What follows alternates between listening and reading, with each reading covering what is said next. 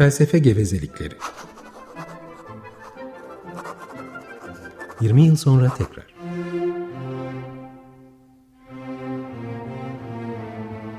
Hazırlayan ve sunanlar Oruç Araoba ve Ferhat Taylan.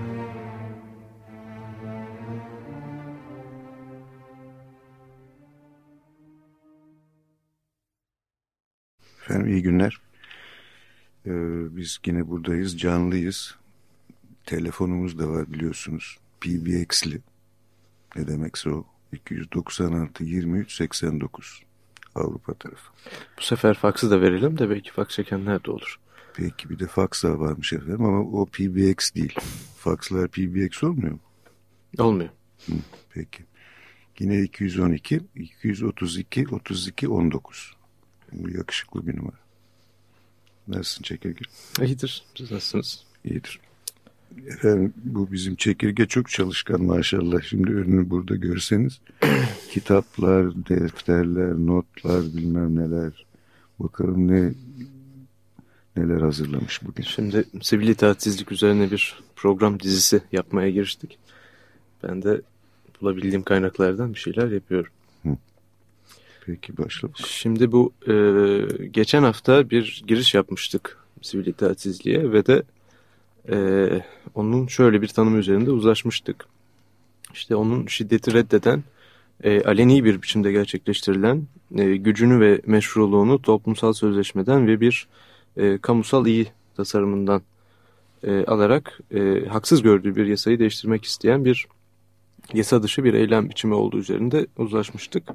Gandhi'den söz ettik, e, Satyagraha'sından ve hakikatle ilişkisinden son olarak da e, Nietzsche'yi anarak felsefe açısından ilginç bir tartışma olarak e, yasaların dayandıkları hakikatlerin e, aslında değişebilir şeyler olduğundan ve nihayet politik olduklarından bahsetmiştik. E, şimdi bu programda da ben şeyi önereceğim. E, sivil itaatsizlik e, te e, hakikatin üretilmesini yani sivil itaatsizliğin meşrulaştırılmasının yöntemleri üzerine biraz daha durmayı bu sefer e, Toro, David Toro ve Sokrates'ten aslında e, bir miktar yola çıkarak. Yani bu yöntemlerden de özellikle e, iki tanesi benim ilgimi çekti. Bir tanesi geçen programda da biraz bahsettiğimiz hakikatin üretimi. Yani hepsinde ortak olan nokta belli hakikatlere dayanmaların. Bir tanesi de özellikle ilginç şiddetsizlik e, ama kimi zaman kendini acı çektirme biçimine dönüşen bir şiddetsizlik. Şimdi e, ne yapalım hangisinden başlayalım dersiniz? Şimdi bunlardan söz edince benim aklıma şey geliyor tabii. E, kişilerin bedenleri. Değil mi? Bir anlamda e, ilk silahları. Yani bir yerde bulunmak. Benim başımdan geçen bir şeyi anlatayım istersen. 1971'de Dünya Felsefe Kongresi Varna'da toplanacak 73 müydü yoksa neyse hatırlamıyorum şimdi o sırada da e, işte bu ne ayak ayak bilmem ne hastalığı var hani Bilmiyorum. Nedir? Sığırlarda. Hı. Ne hastalığıydı Barış? Hani sınırlar kapatılıyor bilmem ne. Ruam falan galiba resmi adı. Neyse. Öyle yine bir hastalık var. Bulgaristan sın değil. deli dana değil. Unuttum şimdi neyse. Öyle bir hastalık yani sari hastalık var. O yüzden de işte yani Bulgaristan Türkiye sınırını e, kapamış. İşte nasıl gideceğiz nasıl gideceğiz falan diye ben gittim işte Bulgaristan e, konsolosluğuna. Vallahi gidemezsiniz falan dediler. İşte oraya gittim buraya gittim bilmem. En sonunda aklıma geldi gittim Haydarpaşa'ya. Haydarpaşa değil. Şey, Sirkeci. Sirkeci. Ondan sonra o zamanlar işliyordu hala. Ee, işte şey Orient Express. Hı. Şey Sofya'ya e, bilet kesiyor musunuz dedim. Kesiyoruz diyorlar. Güzel. Aldım bilet. Ondan sonra işte o zaman asistandım. E, şeyim var. E, resmi pasaportum var. Bindim trene gittim. Şimdi e, işte Sofya'ya yaklaştık. Ondan sonra bir işte kondüktör, e, Bulgar kondüktör, Bulgarca ve Fransızca olarak Sofya'da inmek yasaktır, Sofya'da inmek yasaktır diye bağıra çağıra geliyor şeydi. Ondan sonra ben adamı çağırdım. Dedim ki benim dedim işte şeyim var yani Sofya biletim var. Hı. Ne yapacağız dedim. Yok dedi Viyana'ya kadar dedi inmek yok. E, peki ben de Viyana'ya giderim o zaman dedim. Şimdi adam durdu. yani Sofya bileti var. Yani ne yapacak? E, ben, ben de orada oturuyorum.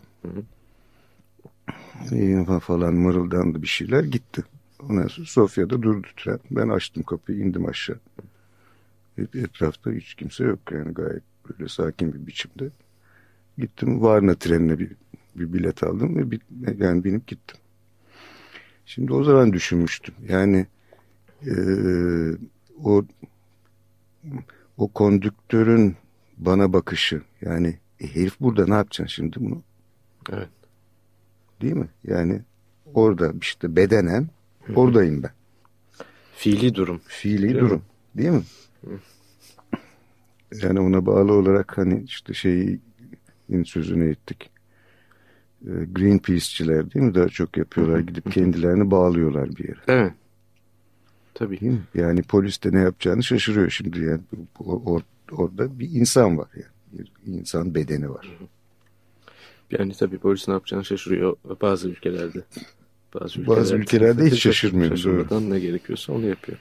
Evet gerçekten bu sivil itaatsizlikte e, yapıla gelen enteresan bir durum. Yani kendi kendisine fiziksel zarar vermek. Aslında cezai yaptırımı kabul ederek de baştan e, yani bir zarar göreceğini öngördüğü halde bunu kabul etmek, kendini bir yerlere bağlamak, e, işte hatta ölümü kabul etmek gibi durumlarda esas Sokrates'in durumu. İşte kendini yakmak var değil mi? Kendini yakmak var. Yani benim evet aklımdaki soru da bu şeyden yani Sokrates'ten itibaren Toro'ya oradan Gandhi'ye giden Greenpeace'e hatta bizim bu son ölüm oruçlarına ki ben orada bu eylemin tam sivil itaatsizlik olarak değerlendirebileceğini sanmıyorum. Çünkü belli bir yasayı değiştirmekten çok onların e, yani neredeyse bütün anayasayı değiştirmek genel bir gibi protesto, bir evet, vardı. Yani bu kendi kendine acı çektirerek e, haklılık iddiasında bulunma, yasa değiştirme çabasında bulunma e, nasıl bir şey? Yani orada da belki Sokrates'teki bu ruh beden ayrımı e, acaba enteresan olabilir mi diye düşünüyorum. Çünkü şimdi sivil itaatsizlik üzerine bir şeyler okurken bütün kaynaklar yani birçok kaynakta Sokrates'e gönderiliyor bu iş. Yani ilk başlatıcılarından olarak hoş ondan önce tabi Antigone var. Ee, yani aynı tarzda bir temel oluşturan. Şimdi şeyi okurken Sokrates'in Kriton diyaloğunu ee, burada Kriton'la aralarında tabi diyalog aslında e, tırnak içinde daha çok monolog halinde e, ilerleyen bir diyalog yine. E, yani Kriton genellikle işte e, peki Sokrates haklısın Sokrates gibi karşılıklar veriyor. Şimdi bu, her neyse bu diyalogda e, şeyin Sokrates'in e, Kriton'a bir şekilde bedenin e, ruh karşısında ve düşünce karşısında daha aşağılık bir yerde durduğu nu e, Sokrates Kriton'a kabul ettiriyor. E, ilginç bir bölüm ben onu bulup e, okumak istiyorum. Bu şey değil mi? Yani şeyde hapishanede kaçmaya e, şey yapmak için geldiği zaman. Evet Kriton ikna etmeye çalışıyor. Bu e, Davos'tan e, değil mi Davos? Davos'tan şeyler gelecek. Din adamları gelecek bir ay içinde. Hayır. Şimdi şöyledir onun, onun hikayesi e, Naxos. Naxos. Hı. Şimdi her yıl e, e, Delos'muş. Delos ha, adasına şimdi. Delos adasına bir Hı. kutsal gemi gönderilir Atina'da yani Pire'den. Ve e, o gemi gidip dönene kadar da hiçbir idam uygulanmaz. Atina'da o yüzden de o sayede ya da diyelim Sokrates bir yakın bir ay kadar hapiste kalıyor. Yani idam edilmeden önce. İşte Kriton şimdi o geminin gözüktüğünün haberini almış. Yani ertesi günü gelecek ve Sokrates öldürülecek. Sokrates'i Atina'dan kaçmaya ikna etmek için gidiyor. En eski arkadaşı Kriton. Evet. Ne diyor şimdi, Sokrates? Şimdi şu ortalardan bir yerden başlıyorum. Şimdi Sokrates e, başlarda Kriton kendisine e, hapisten kaçmasını e, daha doğrusu yani e, sözü edilen parayı e, Kriton ödeyecek ve bunun karşılığında Sokrates serbest kalacak. Sokrates bunu kabul etmiyor. Işte, hayır hayır. Hayır bayağı kaçıracak. Değil ee, mi? Başta hatta yani uyanır Sokrates. Evet. Sen amma kolay gir, gir, giriyorsun buraya der. Biz Doğru. işte gardiyanla biraz bir anlaşmamız var da falan der. Anladım. Gardiyana rüşvet vermiş. Yani baya yani çok e, işte şeyli güçlü falan bir adam Kriton. Hı hı. Bayağı yani kaçıracaklar. Anladım. Peki. Para ödemek falan yok. Anladım. Bir yanlış okumuşum o zaman. Ee, şimdi neyse bu kısımda Sokrates diyor ki e, şimdi beden eğitimiyle uğraşan, çalışan bir insan karşısına ilk çıkan insanın övgüsüne, eleştirisine, fikrine mi dikkat eder yoksa hekiminin ya da idmancınınkine mi diyor Kriton'da. Yalnız sonuç, sonuncularınkine tabii diyor. Sokrates öyleyse çoğunluğu aldırış etmeden yalnız onun eleştirisinden çekinir, onun övgüsüne önem verir diyor Kriton. Çok doğru. Sokrates demek bütün öbür insanların fikrine uymak yerine yalnız onu yöneten ve işinin ustası olan o tek adamın söylediği şekilde çalışması, yemesi, içmesi gerekir. Kriton tartışmasız öyle. Sokrates işte anlaştık. Ama o tek adamın dediğine uymaz fikrini ve övgülerini küçümser de bu işte usta olmayan çoğunluğun fikirlerine uyarsa hiçbir kötülük görmez mi bundan? Kriton görür elbette. Ee, Sokrates ama nasıl bir kötülük? Nereye gelir? Ustasının dediğine uymayan adamın ne tarafına? Kriton bedenine elbet çünkü bedenini kötü kullanmaktadır. Sokrates, doğru söyledin ama Kriton her şeyi gözden geçirmeksizin geri kalanlar için de aynı şeyi söyleriz değil mi? Özellikle şimdi konuştuğumuz doğru ve yanlış, çirkin ve güzel, iyi ve kötü söz konusu olunca uymamız ve çekinmemiz gereken şey çoğunluğun fikri midir? Yoksa eğer öyle biri varsa işin ustası olan tek bir kimsenin kimi? Ve bütün öbürlerinden daha çok saygı göstermemiz, çekinmemiz gerekir değil mi bu tek kimseden? Çünkü e, işte onun dediklerine uymazsak az önce söylediğimiz gibi e, doğruyla çelişen, yanlışla mahvolan şeyi bozar, zedeleriz. Yoksa yanlış mı bütün bu söylenenler? Kreton, bu konuda seninle aynı fikirdeyim Sokrates. Sokrates, oysa işin ustası olmayan insanların fikrine uymak için sağlıkla gelişen, hastalıkla bozulan şeyi kötüye kullanırsak, o bozulan kısımda yaşayabilir miyiz? O kısımda bedendir değil mi? Kreton, evet. Sokrates, peki kötü, bozuk bir bedenle yaşayabilir miyiz? Kreton, elbette hayır. Sokrates, peki yanlışın azaltıp doğrunun güçlendirdiği şeyi kötüye kullanırsak yaşayabilir miyiz? Yoksa içimizde doğru ve yanlışın bağlı olduğu bu kısmımızı bedenden daha az değerli mi sayıyoruz? Kreton, tabii ki hayır. Sokrates, daha değerli değil midir? Kreton, çok daha değerli. Evet. Diye devam ediyor. İki tane önemli mesele var aslında bizim için. Bir tanesi tabii çoğunluk karşısında e, doğruyu temsil eden e, tek bir kahramanın e, haklı olması meselesi. Öteki de e, yani şeyin doğruyu ve yanlışı saptayan kısmın ruhun bedenden daha önemli olmasının e, saptanması burada. Evet çünkü yani işte bu yani e, pasif direniş biraz daha iyi bir kavram yani sivil itaatsizlik yerine. Orada aslında yapılan ne? Ee, bedenini ortaya koyarak hı hı. bedeninin de ortadan kalkması e, olasılığı ya da olanağı karşısında bir şeyi koruyor olmak. Yani bedeniyle e, işte Sokrates'in dediği gibi daha değerli gördüğü bir şeyi evet. koruyor olmak. Evet. Yani aradaki inanılmaz tarihsel farka rağmen Toro'da da e, çok benzer e, bir cümle var bu konuda. E, şimdi o da şey diyecek. E, bir saniye onu da bulayım. E, hapsediyorlar onu da bir gece için şeyi ödemediği için. E, bu e, ne ver kafa vergisini ödemediği için bir geceliğine hapse mahkum oluyor ve e, bir yerde bir metinde diyor ki e, aşağı yukarı aktarıyorum. E, işte benim sadece bedenimi kapattılar. Oysa ki esas tehlikeli olan taraf benim düşüncelerimdi. Devletin benim bedenimi e, hapsetmesini bu açıdan çok aptalca buldum diyor. E, bir ara verdikten sonra ben onu bulup okurum daha sonra size. Şimdi şey aklıma geldi. Ee, Nietzsche bir yerde motto olarak kullanır. Ee, Napolyon'un generallerinden birisinin sözü olarak aktarılmış. Ee, işte yani kendi bedenine hitap ben konuşur. Ee, karkas nasıl, nasıl çevrilir karkas? Yani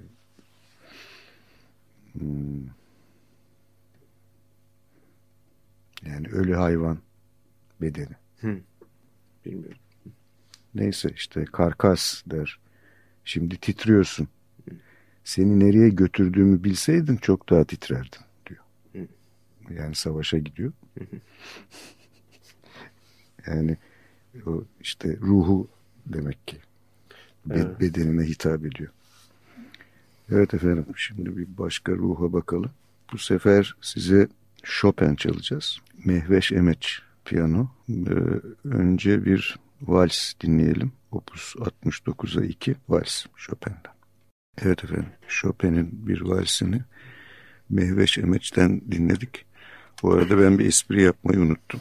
Ee, Mesut Can Üstad biz e, Chopin çalacağımızı duyunca şey dedi bu bir reklam var hani iksir yazdı yazıldı gibi okunuyor. Orada bah bah diyormuş.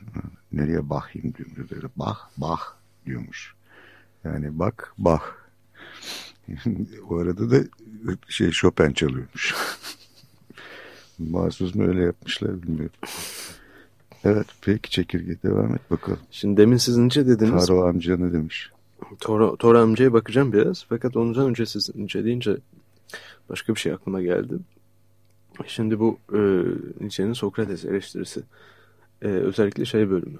Yani Sokrates bedeni e, önemsiz saydığı yerde Nietzsche'nin e, bunu bir yaşama karşı bir hınç olarak e, algılaması. Hatta sizin de e, Türkçe'ye çevirdiğiniz e, yazıda yazının tam adını yanlış söylemeyeyim. E, ahlak ötesi anlamda hakikat e, doğru ve yalan. Doğru ve yalan özür dilerim. Orada yani bu şeyin güç e, gücün ve güçlünün güçlülüğün daha doğrusu bedensel ve fiziki bir temsilinin yerine teorik e, bir temsilinin gücün tersine çevrilmesi olması yönündeki eleştiri. E, açar mısınız biraz bunu? Şimdi bu işte üç tane diyalog var. Yani işte peş peşe. Ee, yani Sokrates'in son günleriyle ilgili ilk yazdıklarıdır zaten Platon'un. Özür dilerim. Şimdi şöyle bir, bir iş yapıyor Sokrates. Büyük çapta ona dayanıyor Nietzsche o eleştiri getirirken. Şimdi zaten yani bütün hepsine baktığın zaman yani çok garip bir biçimde kışkırtıyor aslında Sokrates.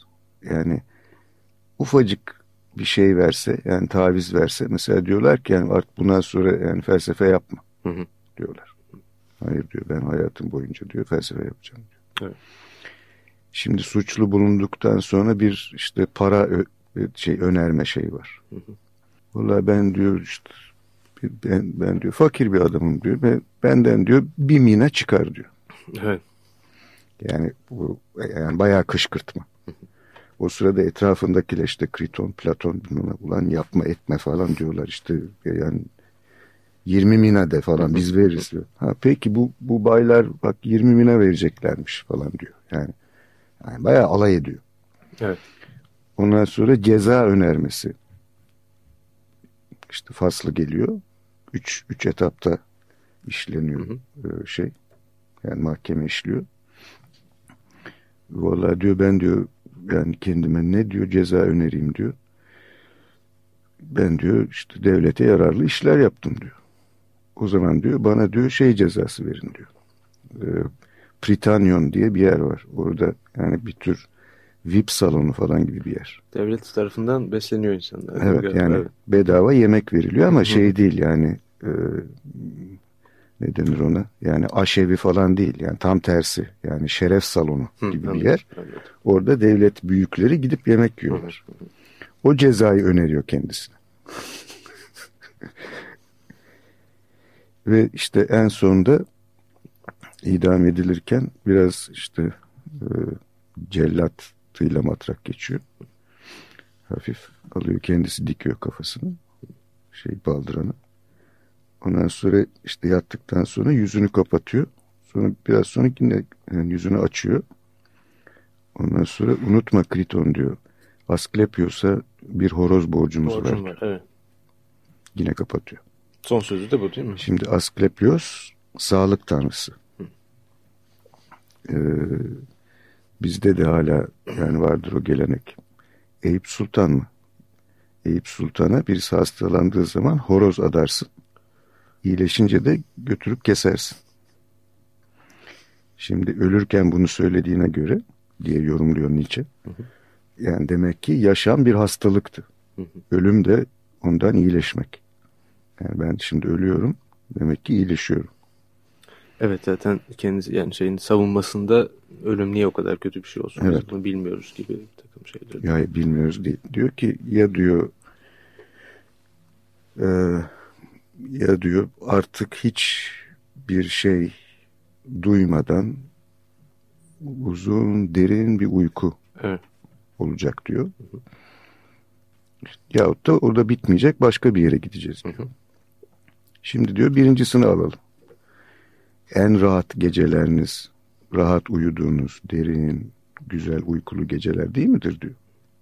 O zaman diyor yani ölüm kötü bir şey değil işte. Ne güzel derin derin mışıl mışıl uyuyacaksın. Kral bile bazen bunu ister diyor. Hatta falan. Öte taraftan orada bitmiyorsa ve başka bir yere gidiyorsam düşünsene diyor ne güzel bir şey diyor. Orada diyor kimler var? Ahilleuslar var, Admantoslar var. Onlarla konuşursun. Onlara başından geçenleri anlatırsın. Onlar sana başından geçenleri anlatırlar. Ne güzel öyle bir şey olur. Ölümün iyi bir şey, çok güzel bir şey olduğu söyler ve felsefenin de kişinin ölümüne çalışmak olduğunu söyler. Evet. Peki. Peki. Kötü kötü baktı bana efendim. Çekirge. Biz yine bir Chopin diyelim mi? Dinleyelim. Bach Bach. Bach Bach. Efendim bu sefer bir bir Polonez Opus 53. Evet efendim. Mehmet Emeç'in e, e, piyanosundan e, bir Polonez dinledik. Chopin. E, Barış dikkatimizi çekti. Reklamda çalan da buymuş. Bach Bach reklamında.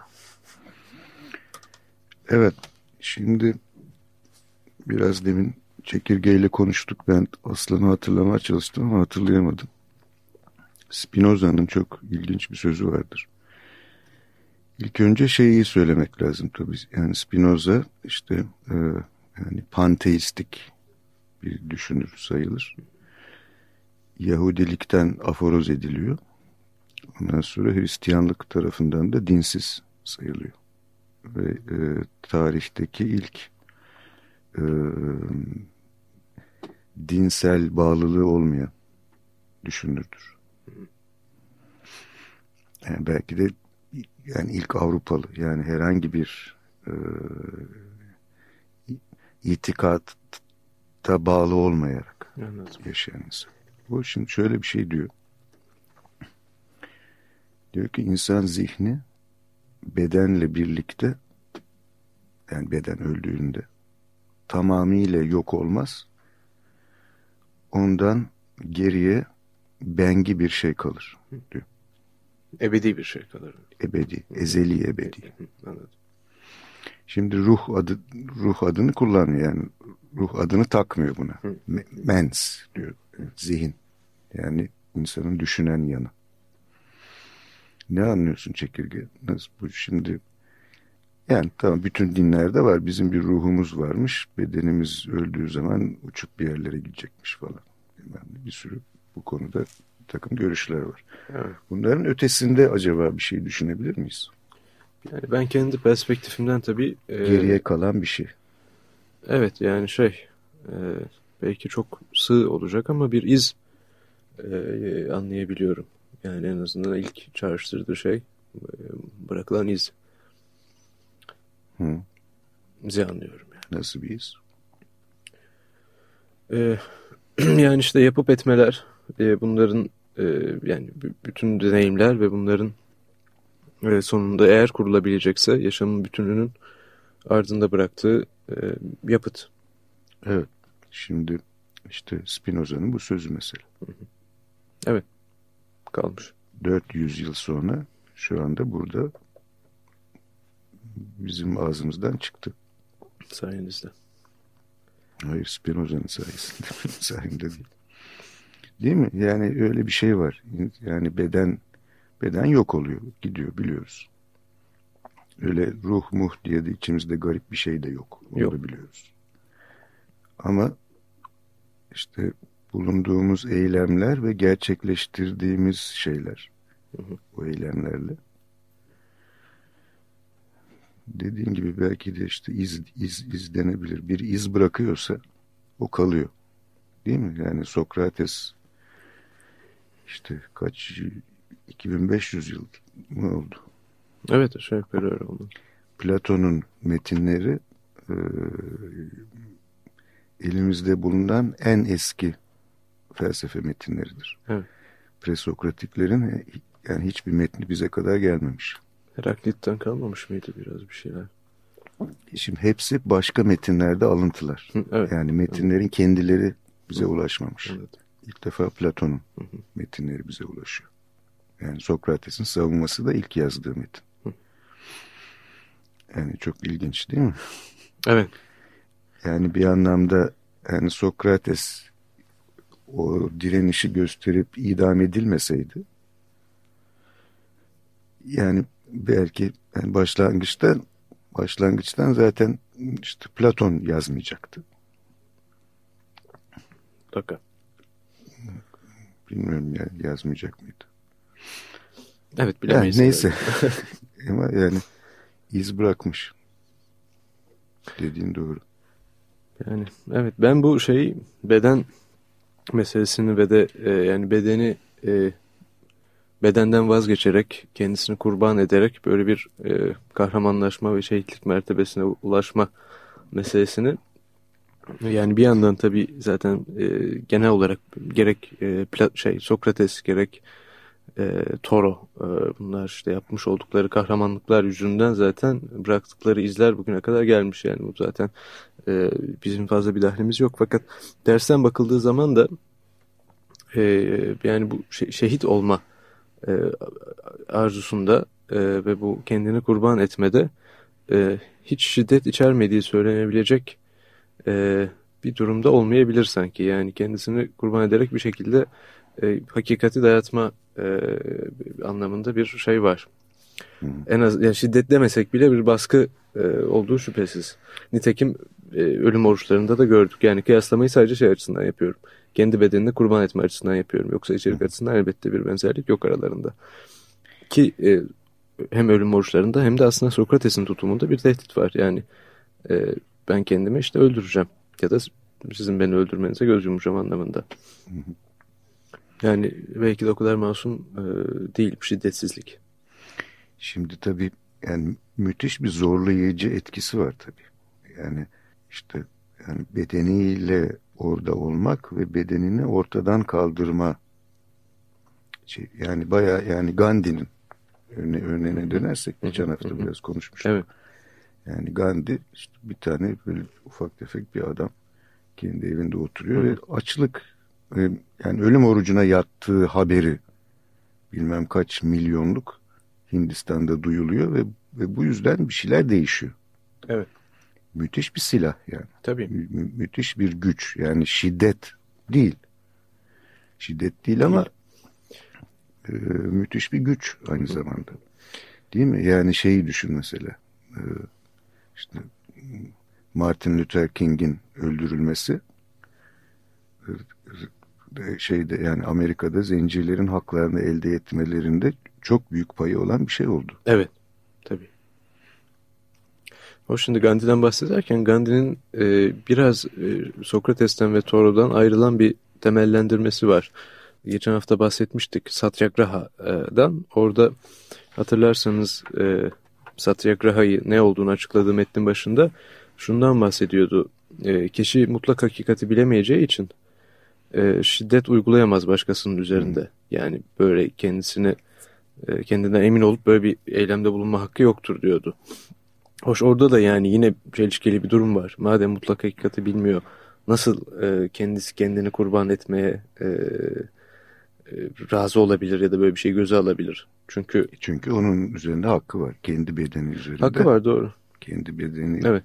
Ama bir iç hesaplaşma olarak yani e, tabii çok gerçi teorik bir zeminde tartışıyoruz haklısınız. Yani sonuçta orada hakikat denen e, mesele siyasi bir mücadele ve belli bir bağlamda geçiyor tabii ama e, yani salt kuramsal zeminde hiç olmazsa e, bu hakikatin de değişebileceğini ve e, bunun için aslında ölmesine gerek olmadığını da daha sonradan anlayamayacağını nereden biliyor gibi bir soru da var. Şimdi e, yani şey açık radyonun e, şeylerinde arada bir çalar. E, onu da verirler hani söz uçar demeden önce Martin Luther King'in çok ünlü bir e, konuşması vardır. Hı hı. I have a dream. dream evet. I have a dream diye başlar. Bir rüyam var. Yani işte e, küçük siyah ve beyaz e, çocuklar birlikte okula gidecekler bilmem ne yapacaklar bilmem ne falan diye. Hı hı. Onu yani dikkatle okursan bugün hepsi gerçekleşmiş. Yani var tabii yine ayrımcılık bilmem necilik ölmüş değil ama en azından o rüya olarak nitelediği şeyde 1950'lerdir sanıyorum değil mi? Evet öyle. O şey konuşmayı bulabilir misin Barış? Tamam Barış bize bulacak efendim şimdi. Chopin yerine Martin Luther King dinleyelim biraz sonra. Evet yani çok önemli bir şey tabii. Çünkü yani hakikat haline geliyor. Geliyor doğru. Değil tabii, mi? Tabii tabii. O, tabii. o e eylemlerin sonucu bir şeyler gerçekleşiyor. Evet. Yok ben de zaten e, yani bu e, eylemi yaparak bir hakikat yaratmak isteyenlere karşı tırnak içinde yaşama döndürme operasyonu yapmak istememiştim. Ama işin böyle bir Hı. boyutu da olabileceği aklıma geldi sadece onu söylemek için. Buldun mu? Hay yaşa.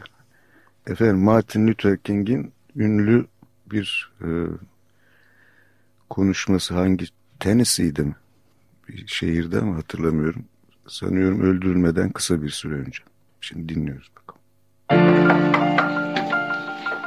That the only thing we have to fear is fear itself. If I don't know everything, then I would say that you know absolutely nothing about communism. Nothing except fear of it.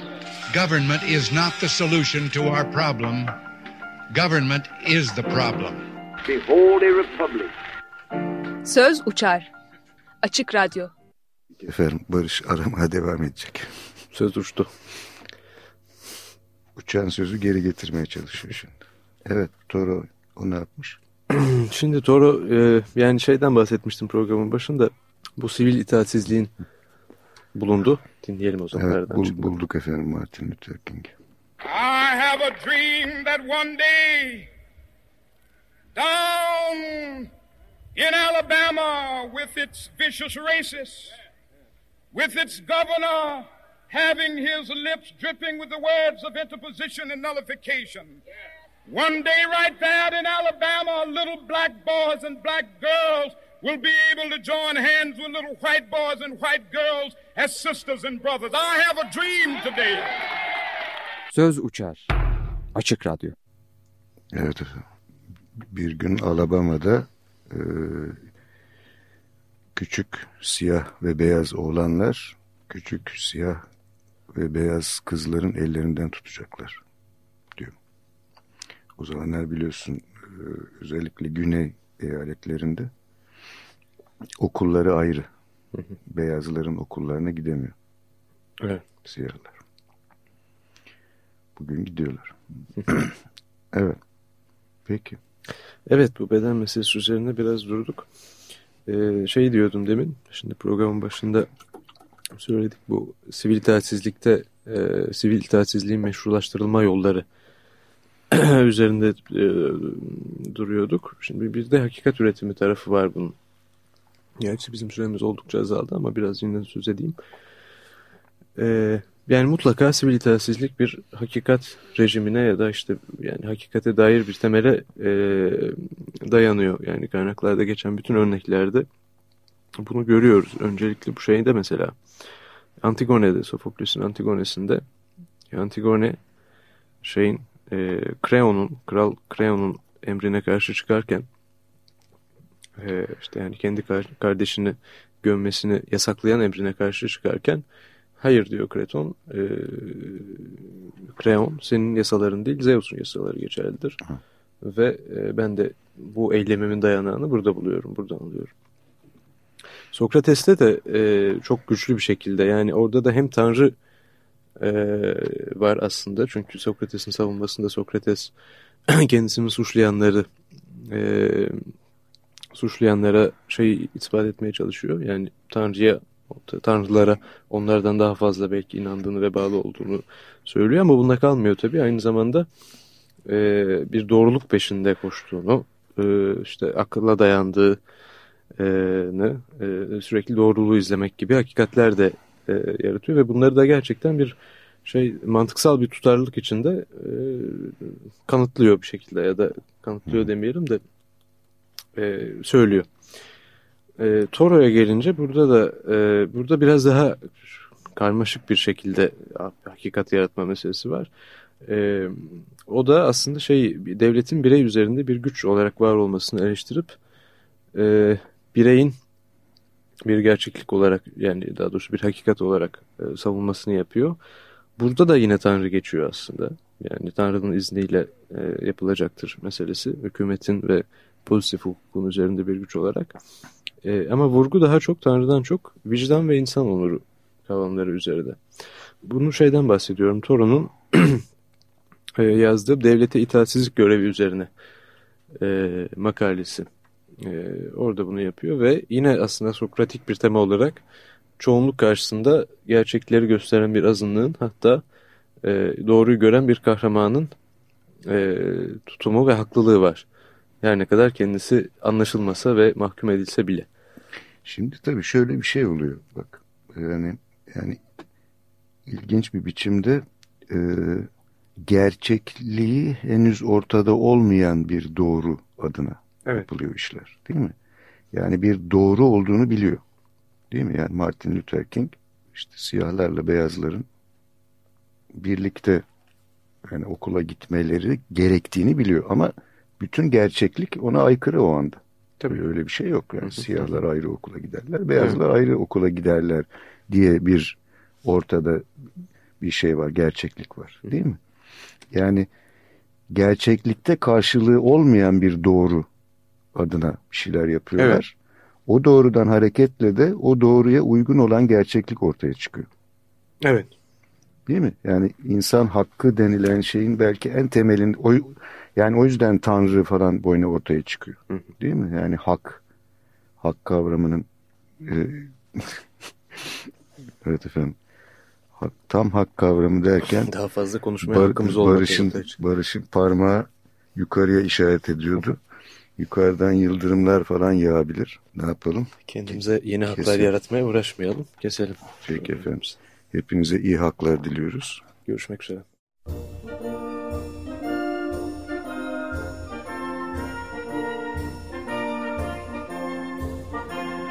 Felsefe gevezelikleri. Hakikaten. Hak, hukuk, hakikat vesaire. Usta Geveze Oruç Aroğlu Çırak Geveze Ferhat Taylan 20 yıl sonra tekrar